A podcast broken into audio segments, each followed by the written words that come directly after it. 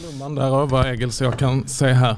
Ja, då ska vi eh, försöka ge oss på någonting som vi egentligen sitter och gör i en studio i vanliga fall. Vi ska göra en liveinspelning av Reformera-podden. Är det någon som har lyssnat på Reformera-podden någon gång? Ja men titta, fantastiskt. Och alla ni andra?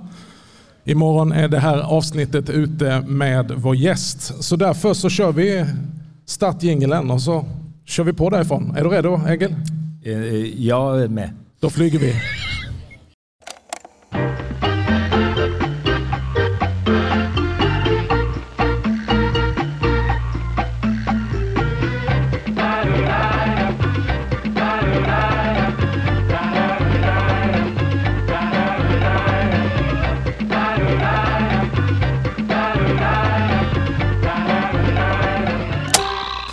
Välkommen till Reformera-podden och vi är inne på avsnitt 104. Och idag så sänder vi inte från vår studio på kansliet EFS utan vi sänder direkt ifrån EFS årskonferens här i Helsingborgs arena. Och om du vill höra att här finns folk så kan du höra det nu. Fantastiskt. Vi har haft ett helt underbart inledningsmöte med en fantastisk predikan av Daniel Svensson som är präst här i EFS Helsingborg.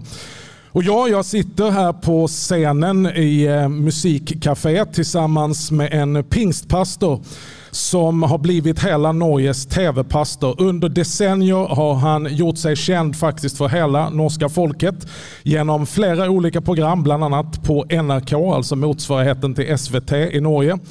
Han har varit föreståndare och pastor både i Kristiansand och i Stora Philadelphia-församlingen i Oslo. Han heter Egil Svartdal och är en av talarna här på vår konferens. Varmt välkommen Egil. Hjärtligt tack Magnus. Det är en ära att vara här. Tack. Det är väldigt kul för oss att ha dig här som en av de medverkande och det är väldigt kul att ha dig med i podden. Eh, och vi ska tänka att vi ska lära känna dig lite till att börja med. Eh, jag vet, du är ju känd idag som en pastor, evangelist och du har rest och du har varit i tv. Men du började din karriär som konditor. Ja. Alltså en bagare eller vad, vad säger man? Ja, det är skillnad på smed och guldsmed. Vet ja. du? Så jag är eh, konditor i botten. Ja. Eh, våran äldste bror eh, blev kock och reste till sjöss. Och jag tänkte att då blir jag konditor och åker på cruiseskip. Så jag har utbildning som konditor. Blev det några kryssningsfartyg? Nej, det blev inte det. Men eh, jag blev färdig med utbildningen som konditor. Sen så skulle jag göra lumpen i den kyrkan som jag redan var aktiv i, i Filadelfia-kyrkan i Oslo. Och då var det på ett sätt att eh, pastorsgrejerna kom igång. De frågade, jag skulle vara där 16 månader, jag var aktiv i ungdomsarbete. Så frågade de, kan du ta ett år till? Kan du ta två år till? Kan du vara med i äldstekåren? Kan du vara ungdomspastor? Så var jag där då i tio år. Det ser man. Du, innan vi kommer in på pastorsyrket, jag vet ju också att du hade en liten sväng inom att köra sopbil. Ja. Söpplebil. Ja, det var efter de tio åren. Eh, och det, var, det tror jag faktiskt var en kallelse på ett sätt, för Även i kyrkan så kan man ha en karriärtänkande att man börjar som ungdomspastor, sen så blir man medpastor och seniorpastor. Eh, så för mig var det på ett sätt viktigt att kliva av och kliva mm. ner. Jag var inte nedkörd, jag var inte utkörd. Eh, men jag tänkte, vem är jag? Mm. Om ingen känner farsan, om ingen känner eh, pastorn, vem är Egil om man kommer in på ett arbetsplats eh, där ingen vet vem han är? Eh, läser jag Bibeln bara för att jag ska predika? Ber jag bara för att jag ska vara inspirerad? Eh, vem är jag? Så det var en viktig grej för mig. Att jag klev av och gav från mig på ett sätt pastorskarriären. Och jag tänkte inte att det skulle bara vara för några månader eller ett år. Jag tänkte att det är bättre att vara en helhjärtat sopkörare än en halvhjärtat pastor. Ja, fantastiskt. Tog du med dig några lärdomar från just att åka sopbil och vara pastor? Finns det likheter? Det var nog, det var nog på ett sätt en, en viss trötthet i det att alla människor som jag jobbade med är ju omistliga och oersättliga. Alltså, det är liksom det är så oändligt värdefullt, varje människa. Och det att känna att jag kan köra sopbilen och tänka att nu är det bara jag och sopet. Eh, om det går i gröften så är det jag och sopet. Det är inte liksom många folk som mm. jag tar med mig i gröften. Det var en befrielse att känna att nu jobbar jag med någonting som egentligen inte är så mycket värt. Från sopbilsåkare till tv-pastor, vi är snart tillbaka.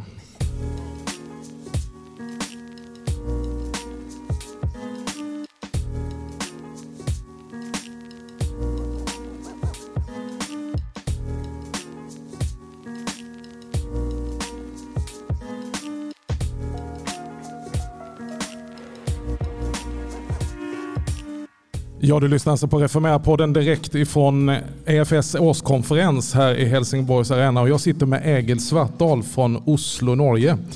Vi talade om din start som konditor och sopåkare, men du är ju känd eh, i hela Norge som tv-pastor. Hur började det Egil? Jag tror att det började med en typ fråga från Gud, inte till media, men eh, vi sa ja att bli pastorspar eh, för Philadelphia-kyrkan i Kristiansand. Och jag tror att Gud på ett sätt frågade mig, vill du bli pastor för stan eller vill du bli pastor för kyrkan? Mm. Eh, och för en präst i Svenska kyrkan så förstår man kanske inte frågan. Men om man har växt upp som pingstpastor och frikyrklig så tänker man ju att jag är pastor för de som kommer till kyrkan, de som tillhör kyrkan, eh, de som brukar kyrkan. Men den här frågan, vill du bli pastor för stan? Mm. Det sprängde på ett sätt mitt tankesätt som frikyrkepastor. Ja, jag ska inte bara vara pastor för de som kommer till kyrkan. Jag ska vara pastor för den här stan och alla som är i den här stan. Även om jag inte känner dem, även om de inte känner mig. Mm. Så är jag pastor för den här stan. Och då tänkte jag, vem har nyckeln till den här stan? Jo, det är biskopen, det är ordför, alltså ordför, borgmästaren. Det är eh, några nyckelpersoner, redaktören i den stora tidningen. Och så tänkte jag, jag måste få tag i de här nycklarna så att jag kan beröra stan. Och sen så byggde vi en radiokanal och sen så gjorde vi tv-sändningar och sen så kände jag efter en tid att jag tror att det går mot media och jag trodde det hade med tv att göra men jag visste inte hur och på vilket sätt men eh, jag trodde att jag skulle göra det. Så kom det en utmaning eftervärt från TV2 i Norge om jag kunde börja på den kanal som skulle starta hösten 1992. Om jag kunde bli pastor på kanalen. Eh, du, jag har hört en, en, rolig historia om det. När han, tv-chefen fick en fråga, hur ska detta gå med pingstvänner på tv? Vad, vad var det han sa? Ja, det var en presskonferens och jag var skitnervös. Jag kom ju rätt från Pingstkyrkan som pastor och där var hela presskorpset till städe och han skulle presentera mig. Och han la ut om den nya kanalen och alla grejer. Och, eh, och, det, och jag ska inte ha en religiös avdelning som de har uppe i NRK. Jag ska ha en pastor på den här kanalen. Och det är pingstpastor Egil Svartdal. Och han, han, han la upp till en applåd som aldrig kom. Det var liksom som om någon släckte ljuset. Och sen så var det han som jobbade för Dagbladet i, i Norge. Handen är värre. Det blir tungotal på TV2 nu då. Och jag tänkte, vad, vad, vad svarar jag? Så hörde jag eh, tv-chefen säga, ja, ja, ja, ja, men det blir textat. det är härligt. Fantastiskt. Så jag tänkte att det får bli en av mina uppgifter att texta evangelium så det blir förståeligt för några fler. Men du Egil, vi är många som har sänt lite närradio genom åren och eventuellt haft en podd. Men du har ju verkligen fått ett folkligt genomslag i hela landet på tv. Vad tror du är hemligheten? Ja, det, det är en svår fråga. Men jag tror ju att man inte på ett sätt alltså bryter isolationen vid att komma på tv. Man kan även demonstrera isolationen mm. eh, när man är på tv. Alla kan se hur isolerat man är mm. i tankesätt och i språk och hur man ter sig. Så jag, det var ju att man på ett sätt var helt nödvändigt att tänka att jag är i någons annans stue, någons annat hem, jag är gäst. Eh, man beter sig inte hur som helst mm. när man är bjuden in som gäst. Så det var liksom att hela tiden ha i bevissthet att jag vill skapa en typ av igenkännelse. Folk ska kunna känna igen sig själv. Eh, att jag inte predikar på tv, men att jag ja, berättade historier genom andra folk också. Men det var bevisstheten, medvetenheten att jag är som gäst i andra folks hus eh, och jag är bjuden in och man får uppföra sig.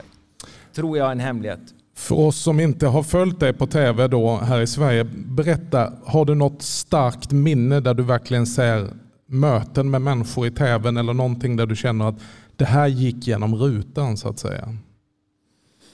Ja, vi startade inte på TV2, vi startade med det som skulle vara lokalt i Oslo som sen blev sänt i olika regioner.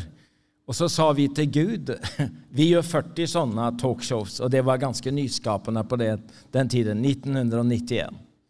Så sa vi, vi gör 40 program, ett i veckan i 40 veckor. Och så sa vi, gör det bästa vi kan och om du öppnar dörren till Riks-TV så går vi vidare. Om du inte öppnar dörren till Riks-TV så kan vi inte göra det här, för det, det är för dyrt. Mm. Eh, och det var en kväll eh, på våren där och nu hade ryktet gått och NRK ville ha fyra program i väldigt god sändetid. Och de beställde fyra talkshows, kristna. Och en kväll när jag skulle sova så tror jag att jag fick en typ av syn. Jag såg ett program. Jag såg vem som sjöng, jag såg vem jag hade som gäst och jag såg en pojke på 14 år som hade aids. Eh, och på ett sätt så såg jag programmet innan vi skapade det programmet och jag förstod att det här är inte en idé. Det är någonting Gud har gjort klart. Alltså. Det var en händelse. Och eh, det programmet blev sett av över en miljon människor och det var liksom mycket uppslag. Och det blev vägen in till TV2 faktiskt. Eh, så det minne att Gud ville någonting speciellt och gav något mer än en idé Eh, men öppna den dörr eh, som har varit öppen i alla de här åren. Egil, du sitter ju med en otrolig mängd erfarenhet, många år, där du har gjort det som vi alla längtar efter, som vi talar om på den här konferensen. Temat på den här konferensen är just leva mission. Att ta evangeliet till den sekulära världen, ta evangeliet till folket. Det finns jättemycket att säga om detta, men om du ska sammanfatta, vad har du lärt dig som du kan ge vidare i förmågan att kommunicera evangelium till det sekulära Sverige eller Norge? Det är stora frågor. Också. Uh, men du är en intelligent, du intelligent människa så du klarar du det på några sekunder. svåra frågor. Uh, jag har försökt så långt jag kunnat att inte ta med mig inomkyrkliga debatter ut i det stora rummet. Mm. Eh, men det är för det, jag tror att någon ska göra det. Eh, jag tror att någon är utrustad att göra det. Men jag fick en möjlighet att förmedla evangelium. Och när man får en möjlighet att förmedla evangelium till folk flest, eh, då vill jag inte förstyrra det eller sända upp en stöjsändare som jag ville säga. Mm vid sidan om. En störsändare. En, ja, en störsändare mm. med en inomkristlig debatt. Så mm. när de frågade kan du vara med i det debattprogrammet, kan du vara med i det debattprogram, vi ska ha den frågan. Så sa jag om jag kunde, eh, nej, eh, jag tror inte jag ska göra det. Och det var för att skydda möjligheten att förmedla någonting som för mig var viktigare, att ge evangelium. Mm. Fantastiskt. Vi är alldeles strax tillbaka då vi ska tala om lite vad Egil ska prata om här på konferensen.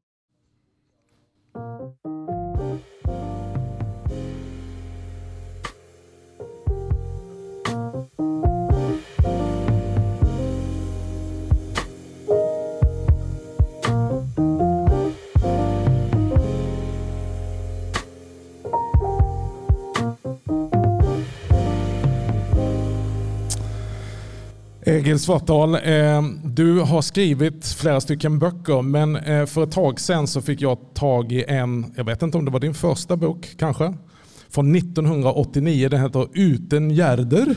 Alltså det betyder ungefär utan murar. Och den grep mig så otroligt. Alla som lyssnar på den här podden vet att jag är upptagen av helkyrklighet, det ni skulle kalla för tvärkyrklighet. Eh, alltså på tvärs, inte bara högkyrklighet eller lågkyrklighet, frikyrklighet eller folkkyrklighet, utan att gå över gränser. Och nu lite senare, 2015, så har du också talat om att gå över en annan gräns i din bok Ge det vidare som du ska tala om här. Hur en församling kan bli en kyrka för alla generationer. Jag tänkte vi skulle tala om det. Att kryssa gränser och bygga broar mellan både generationer och traditioner. Jag har alltid upplevt dig som att du har ett ekumeniskt DNA i hela din kropp. När du talar så kommer du in i olika sammanhang och upptäcker rikedomar i alla kyrkor. Har jag uppfattat det rätt? Jag hoppas det. Mm. Eh, det började väl kanske också i Kristiansand när jag tänkte att en av mina uppgifter var att öppna vår lokala pingstkyrka till andra kyrkor i stan och upptäcka vilken rikedom som fanns i stan totalt. När vi började mötas på tvärs av kyrksamfund, församlingar med biskopen, med präster, med pastorer varje vecka. Vi började be och vi... Jag kände väl att eh, man får ha ett Guds rike-perspektiv. Alltså jag, jag ser den lokala kyrkan eh, och sen så ser jag Guds rike, att Gud har bara en kyrka. Det som är det svåra i detta, det är på ett sätt kyrksamfundet. Mm. Det är en slags eh, grej som vi har eh, hittat på på gott och ont. Och jag tycker att när det funkar ett kyrksamfund i Guds rike-perspektiv, som är större än kyrksamfundet, så funkar det. Mm. Men när vi sätter gränser, eh, bygger murar, som man ofta gör, för man får beskydda sitt eget, då tror jag att man gör någonting med kyrkan som man inte ska göra. Man får vara i en lokal kyrka, man får vara att, i ett kyrksamfund, men att man hela tiden arbetar och ber och ser i ett Guds rike-perspektiv. Mm. Eh, det känner jag att jag behöver och se. Du har skrivit i den här boken, eh, jag har översatt det till svenska, krav på likhet, det är ett hån emot skaparen. Våra skillnader och olikheter är inte ett hinder utan snarare en förutsättning för Gud att nå sitt mål. Jag har en dröm, skriver du, att, att de som står ytterst på båda kanterna ska finna varandra och ta varandras händer. För då står vi inte mot varandra utan då står vi i en rund ring. Det är väldigt vackert. Har jag sagt det där? Det där har du skrivit 1989. Ja, det, jag blev, gry, jag blev grepet. Ja, men det är, det är bra sagt och det, det är vackert sagt. Det är härligt att bli rörd av sina egna predikningar, eller hur? Ja, men tack. Tack att du upptäckte det där. Nej, men jag, jag, tänker att det passar så bra in i vår podd. Men, men har du sett någonting av detta? Vad är din erfarenhet? Vilka, vilka rikedomar har du upptäckt på den motsatta kanten av där du befinner dig? I andra traditioner? Eh, jag har ju länge varit kopplad på för exempel retreatrörelsen. Eh, det var inte i vår tradition. Eh, men jag tror Gud ledde mig in i en koppling med retreat, retreatrörelse, Edin Lövås. Det, det på ett sätt en dörr till ett, Eh, till ett, ett skattkammer som jag inte förr hade sett eller känt. Och då tänkte jag, här finns det någonting som jag behöver. Mm. Eh, och om man får tänka det om alla kyrksamfund, att jag tillhör inte kyrksamfunden, men kyrksamfunden tillhör mig. Mm. Så jag kan ta ut ur kyrksamfund det som Gud har gett på olika håll. Även om jag har ett eget syn och jag har en överbevisning så kan jag ta till mig av vad Gud har gett andra. För Paulus säger det, eh, allt hör er till.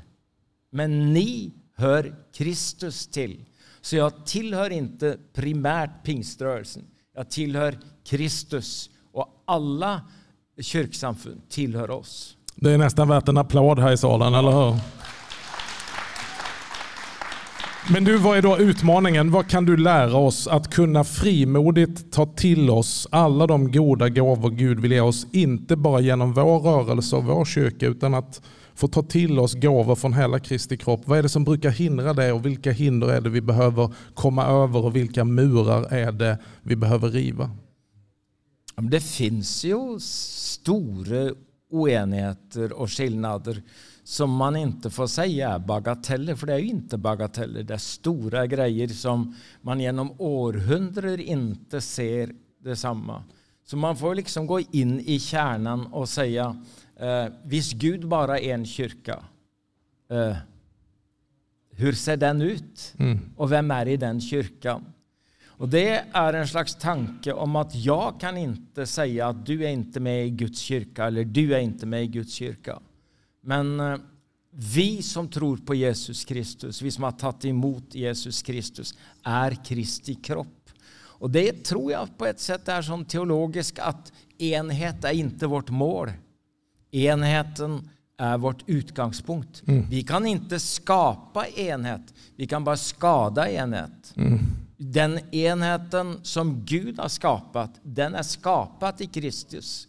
Eh, så kan jag skada den, hur jag beter mig. Men enhet kan vi inte skapa. Mm. Det är Guds grej. Vi är född in i den. Jag satt i ett liknande samtal med den katolske kardinalen här i Sverige, Anders Aborelius, när han satt i din stol. Och när han hade berättat då och så sa jag så, ja men du Anders, jag tycker ju mycket om dig, men hur ska vi någonsin komma närmare varandra? För du sitter med de grejerna där och jag sitter med de här grejerna här och det är mycket som skiljer oss. Och så sa han på sin karaktäristiska skånska, Magnus, istället för att du är upptagen för att komma närmare mig och jag är upptagen att komma närmare dig så bör vi alla vara upptagna att komma närmare Jesus. För då möts vi alla i honom. Wow. Amen. Du, låt oss eh, landa i det här med generationer. Då. Du kommer att tala om detta här nu på några stycken samlingar, Egil det här som också kännetecknar kyrkan ibland, generationssplittringar och, och, och generationsbarriärer. Hur har du mött det och hanterat det och du har skrivit om detta. Om du sammanfattar lite dina tankar kring detta, inte bara problem med olika traditioner utan också problemet och utmaningen med olika generationer. Det är ju på ett sätt samma tanke när vi talar om kristen enhet så talar vi väldigt ofta om kyrksamfund. Men det är ju inte den svåraste skillnaden idag. Mm. Eh, man tänker etniciteter. Hur kan kyrkan vara ett på tvärs och på kryss av etniciteter, av traditioner, men också i, på tvärs av eh, generationer? Och Det finns ju en typ nästan av generationsrasism att du hör inte med för du är för gammal eller jag hör inte med för jag är för ung. Och den här generationsrasismen, det får man liksom ta tag i på samma sätt. För det har med människosynet att göra och det har med församlingssynet och kyrksynet att göra. Så jag tror att man liksom får ta tag i teologin att Gud är en Gud för hela livet. Mm. Han är Abrahams, Isaks och Jakobs Gud och han ville presenteras som generationernas Gud. Det är liksom för att säga att jag är inte bara för dem som var gamla eller för dem som är unga. Jag är för hela livet Gud. Eh, och jag tänker att om man ser det i teologisk så får man tillrättalägga detta praktiskt. Eh, och jag tycker att det är svårt. Det är därför jag har skrivit bok om det. Mm. För att jag tänker, jag vill skriva bok men inte för jag är så gammal att jag kan säga vi äldre. Och då vill jag säga någonting som jag skulle önska att flera äldre sa när jag var ung. Ja, mm. det var väldigt svårt sagt, men det var väldigt. Egil Svartdal, vi är väldigt tacksamma att ha dig här på konferensen och tack för att du var med i podden. Nu är du i ett lutherskt sammanhang och som jag sa innan, Första gången jag mötte dig på 90-talet så upplevde jag att det var en sann och genuin ekumenik som strömmade utifrån dig. Du var faktiskt den första pinsepastor, pingstpastor som jag såg läste välsignelsen över hela församlingen framifrån. Det hade jag aldrig som pingstvän på den tiden varit med om. Men nu är du och jag här i ett lutherskt sammanhang och så tänkte jag Egil Svartdal i ett lutherskt sammanhang. Det är inte alls nytt för dig. Du har arbetat tillsammans med biskopar. Men så läser jag den här boken igen och så inser jag, Egil Svartdal, han är ju en lutheran i pingstpastorförpackning. Han skriver, Inte allt är bibliskt bara för att det står i Bibeln. Vi måste också fråga oss, är detta lag eller är det evangelium? Lagen dömer den bäste medan evangeliet frälser den värste. Käre broder, du är hemma. En stor applåd till Egil Svartdal. Hjärtligt tack Magnus. Och tack ska du ha som har lyssnat på det 104 avsnittet direkt härifrån Helsingborgs arena. Det är nu ute på morgonen den här fredagen du lyssnar och får du feeling och känner jag bor inte sådär jättelångt ifrån Helsingborg så kan du sätta dig i bilen 25 mil, det kör man på ingen tid. Ägel predikar 20.00 imorgon kväll och innan dess så har vi också en releasekonsert för vår nya lovsångsskiva och bolaget Cantio som har återuppstått. Så välkommen till Helsingborg och välkommen till EFS årskonferens och varmt välkommen Ägel. Känn dig som hemma och tack för att du var med här ikväll. Tack ska du ha. Tack ska du ha.